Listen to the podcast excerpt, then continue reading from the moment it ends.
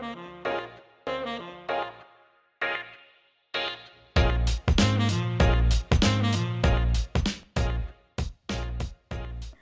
hai kawan kata, apa kabar kalian semuanya? Semoga baik-baik saja. Hari ini episode kelima 30 hari bersuara The Podcasters Indonesia tentang spontan.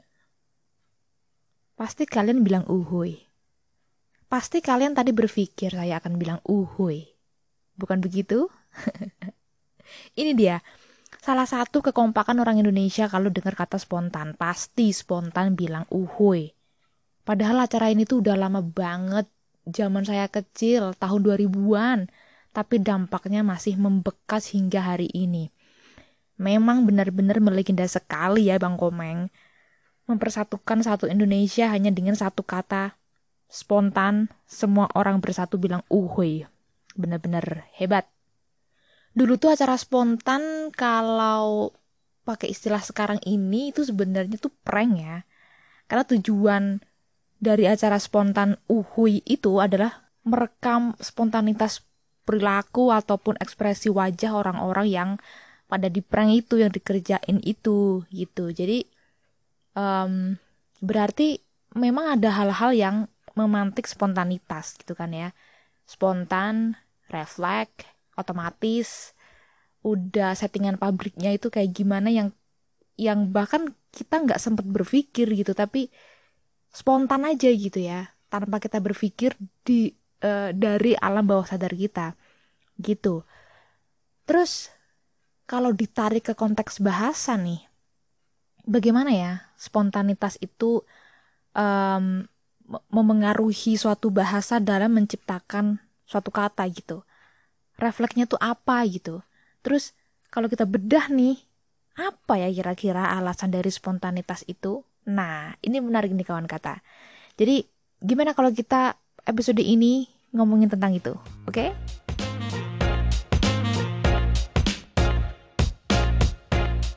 Baik, kita awal dari bahasa Indonesia dulu. Bahasa Indonesia itu menganut hukum DM, dangdut mania. bukan dong, ya meskipun banyak orang Indonesia yang suka dangdut ya, tapi bukan DM dangdut mania. DM itu adalah diterangkan, menerangkan segala sesuatu yang menerangkan selalu terletak di belakang yang diterangkan. Agak pusing ya, ya. Oke, nanti kita bahas itu. Tapi istilah diterangkan menerangkan ini pertama kali dicetuskan oleh STA Sultan Takdir Ali Syahbana dalam buku Tata Bahasa Baru Bahasa Indonesia yang diterbitkan pada tahun 1936. Jadi contoh dari diterangkan menerangkan ini semisal mawar merah. Mawar merah. Tadi kan dibilang yang menerangkan itu letaknya di belakang. Nah, dari kata mawar merah, yang di belakang tuh kata apa? Kata merah kan? Nah, itu. Jadi si merah itu itu menerangkan kata mawar gitu kan DM yang menerangkan itu di belakang merah itu menerangkan si mawar itu. Jadi diterangkan menerangkan itu berarti yang kita lihat pertama kali itu adalah bendanya, objeknya dulu. Nah, ini nih ciri-ciri orang Indonesia, ciri-ciri bahasa Indonesia. Bahasa Indonesia yang dituturkan oleh orang Indonesia tentu saja ya. Semuanya itu objeknya dulu. Bendanya dulu yang disorot, baru kita mikirin yang lain-lain dari si benda ini tuh belakangan pertama kita lihat, oh si mawar. Yang kita lihat mawarnya dulu. Baru kita mikir, kenapa dia? Ada apa dari si mawar ini? Oh, warnanya merah. Gitu kan. Jadi kita lihat mawarnya dulu, baru kita mikirin yang menerangkan si mawar ini apa, itu belakangan. Merahnya dulu, merahnya belakangan kan. Jadilah mawar merah. Kalau di bahasa yang MD menerangkan diterangkan, jadi yang menerangkan subjeknya itu yang di yang di uh, depan. Contohnya bahasa Inggris itu MD menerangkan diterangkan itu jadi red rose, ya kan? Si red itu menerangkan si rose gitu. Jadi sifatnya dulu, sifatnya yang menerangkan objeknya. Merah menerangkan mawar red menerangkan rose. Red Rose. Entah kenapa ya, e, menerangkan diterangkan tuh lebih enak dicerna menurut saya. Yang menerangkan di depan, yang diterangkan di belakang. Itu lebih sejalur gitu, lebih runut. Jalannya lebih enak dari depan ke belakang. Yang menerangkan di depan, yang diterangkan di belakang gitu, lebih enak gitu. Somehow itu nggak bikin pusing. Pak ya paling tidak itu menurut saya ya kawan kata. Nggak tahu kalau menurut kawan kata gimana. Banyak orang yang bilang kalau bahasa Indonesia itu mudah. Tapi apabila saya bukan terlahir sebagai penutur asli bahasa Indonesia terus kemudian saya belajar bahasa Indonesia pasti saya akan merasa kesulitan. Karena logika bahasa Indonesia itu dari belakang ke depan gitu jadi kebalik. Nah apa apalagi kalau semisal saya um, dari penutur bahasa yang menerangkan diterangkan ya terus belajar bahasa Indonesia yang diterangkan menerangkan pasti itu saya akan menemukan kendala yang sangat berat gitu. Karena logikanya itu benar-benar bertolak belakang dari um, bahasa yang menerangkan diterangkan bahasa Indonesia itu menurut saya tuh logikanya tuh dari belakang maju ke depan, bukan ke depan terus ke belakang gitu. Agak pusing ya kawan kata ya. Jadi mohon maaf kalau kawan kata uh, kebingungan, tapi ini yang ingin saya sampaikan.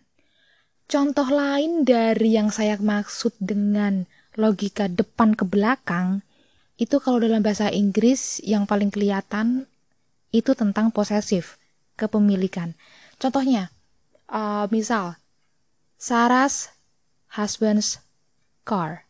Sarah's husband's car.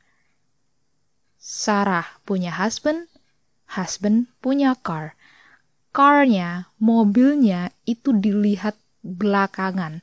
Objeknya terakhir kali. Yang pertama kali dilihat, spontanitasnya yang dilihat itu adalah si Sarah sebagai si subjek yang punya ini dan itu. Gitu kan? Sarah punya suami, suaminya punya mobil. Tapi spontanitasnya dari penutur bahasa Inggris, dari bahasa Inggris, itu adalah si Sarah yang punya ini dan itu. Gitu kan? Nah, tapi kalau bahasa Indonesia itu kebalik.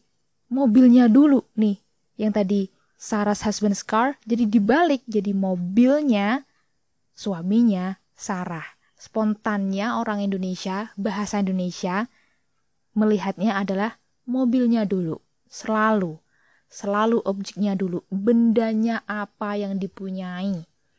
Baru kita pikir yang lain-lain tentang si benda ini tuh belakangan. Mobilnya, suaminya, Sarah. Jadi perlu penegasan, perlu pengulangan lagi. Oh, Sarah punya suami, suaminya punya mobil. Itu kan yang polanya bahasa Inggris kan. Menerangkan diterangkan kan, siapa menerangkan apa gitu. Jadi itulah maksud saya kawan kata.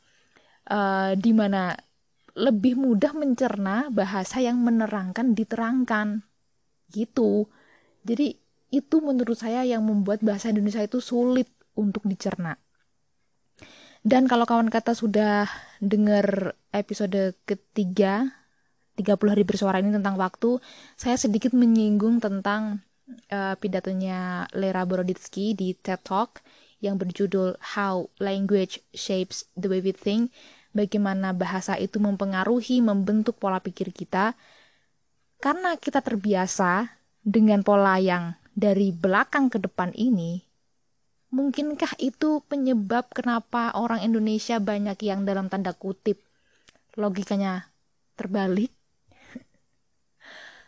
Ketahu ya.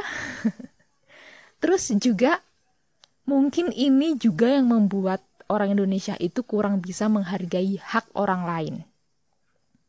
Karena apa? Karena spontannya orang Indonesia yang dilihat itu benda, sesuatu yang dimiliki, bukan subjek, sesuatu yang memiliki benda itu. Jadi mungkin, mungkin itu salah satu hal yang membuat orang Indonesia itu kurang bisa menghargai hak, gitu ya.